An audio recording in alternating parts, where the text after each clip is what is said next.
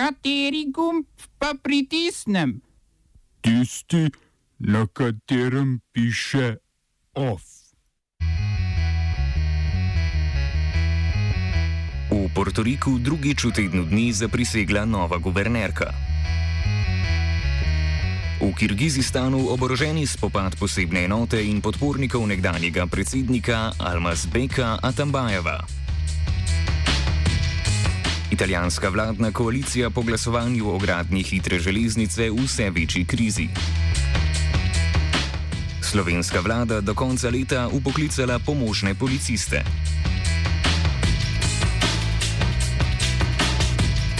V Svaštarnici mednarodni festival Poletje v Stari Ljubljani.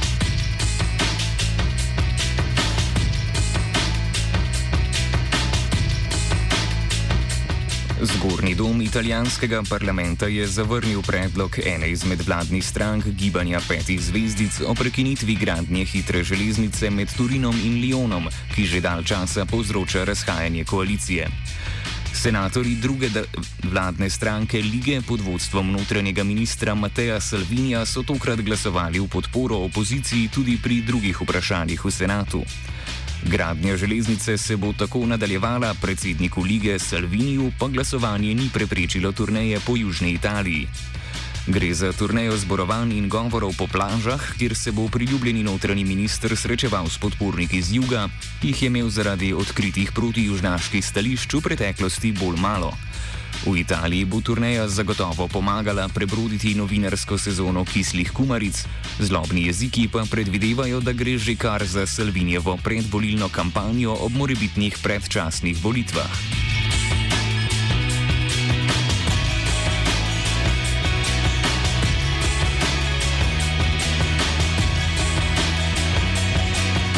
Za še večjo medijsko prepoznavnost stranke Liga pa je poskrbelo italijansko vrhovno sodišče.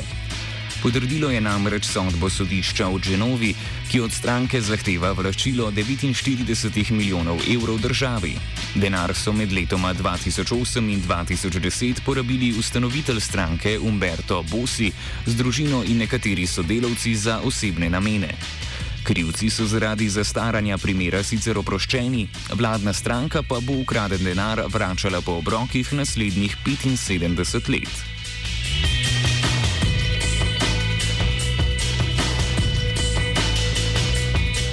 Pogajanja med dvema oblastnikoma v Venezueli, ki potekajo na Barbadosu in jih nadzoruje Norveška, bodo zaradi ponovnih sankcij Združenih držav Amerike prekinjena. Pogajanja so ravno stekla v pravo smer, staj sta se sprti strani pod vodstvom Nikolasa Madura in Juana Guaidoja dogovorili o vzpostavitvi skupnega delovnega telesa. Sankcije, kakršne so ZDA na zadnje uporabile proti sandinistom v Nikaragvi v 80-ih letih prejšnjega stoletja, Madurovo vlado postavljajo v bok sankcioniranim vladam Kube, Irana, Severne Koreje in Sirije. Donald Trump je zamrznil vse venezuelsko premoženje v Združenih državah in prepovedal kakršnokoli poslovanje ameriških državljanov z latinsko-ameriško državo.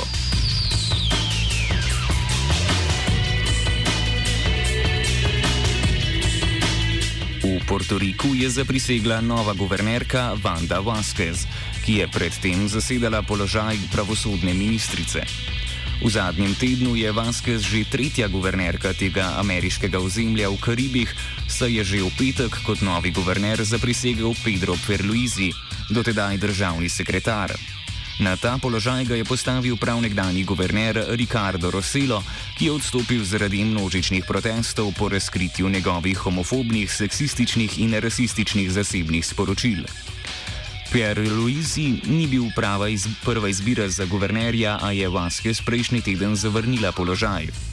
Za prisego Pedra Pierre Luizija je ustavno sodišče na pobudo senatorja iz njegove lastne nove napredne stranke označilo za neustavno, saj kandidata ni potrdil senat. Slednji bo tako ostal državni sekretar, protesti pa se tudi po zaprisegi Vande Vasquez, če sklepamo po odzivih na socialnih omrežjih, ne bodo pomirili vsaj do volitev prihodnje leto.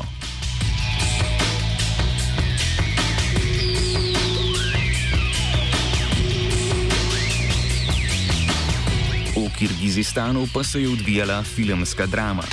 Elitne policijske enote so poskušale presenetiti nekdanjega predsednika Almazbeka Atambajeva in mu izročiti sodni poziv za kazniva dejanja, ki naj bi storil v času predsednikovanja med letoma 2011 in 2017.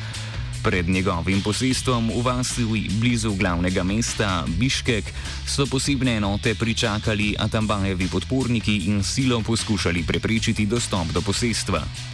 Spopad je zahteval eno življenje na strani posebnih enot in skupno 52 poškodovanih. Akcija se je končala, ko so Atambajevi podporniki izpustili šest talcev, sodni poziv pa ni bil izročen. Trenutni predsednik Sorombaje Jem Bekov ki ga je Atambajo predlani podprl pri predsedniški kandidaturi, je državne organe zaradi dogajanja pozval k nujnim ukrepom za obrambo pravne države.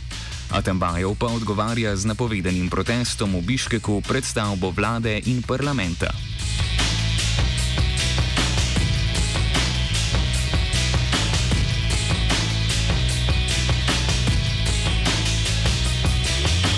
Balkanska družina se širi. Srbija je dobila novo superzvezdniško državljanko. Po odločitvi vlade pod vodstvom Ane Brnabič je nova srpska državljanka postala nekdanja predsednica tajske vlade Jingluk Shinavatra. Premijejka Tajske med letoma 2011 in 2014, ki jo je odstavilo ustavno sodišče, je v domovini obsojena na pet let zapora zaradi korupcije. Srpska vlada ji je državljanstvo podelila, ker naj bi to predstavljalo interes za Republiko Srbijo. Podrobnosti teh interesov pa vladniki niso razkrili. Jingluk bo tako tudi po srcu bližje svojemu bratu Taksinu Šinavatri, tajskemu premijeju med letoma 2001 in 2006, ki ima že celo desetletje črnogorsko državljanstvo. Tudi on je bil v domovini zaradi korupcije obsojen na dvoletno zaporno kazen. Oba, če, če bom odgovoril na angliški. Slovenija bo poskušala pomagati. Slovenija bo naredila svoj utmost, da bo rekla, da je situacija naš problem, naš. In bomo naredili nadaljnje korake, as soon as the conditions are. Bomo vlado Marjana Cererera Šarca podprli. Very, very serious. News from Slovenia. We know how and we will. Vlada je zaradi povečanega obsega nezakonitih prehodov meje s Hrvaško in povišanja števila prometnih nesreč do konca leta upoklicala pomožne policiste. Policija je namreč preobremenjena, čemu botrujejo tudi letni dopusti policistov. Notranje ministrstvo pričakuje povečanje varnostnih izzivov do konca leta, tudi na račun zasedanja vojaškega odbora Zveze NATO in akcije VIP Forum 2019, na katerih bo potrebno povečano policijsko varovanje. Vlada je zaradi tega sprejela sklep, ki omogoča povišanje omejitve v poklica pomožnih policistov z zakonskih 30 dni. Na zadnje je vlada tak ukrep uporabila leta 2016, tudi takrat zaradi velikega števila nezakonitih prehodov meje s Hrvaško. OF je pripravil Virant.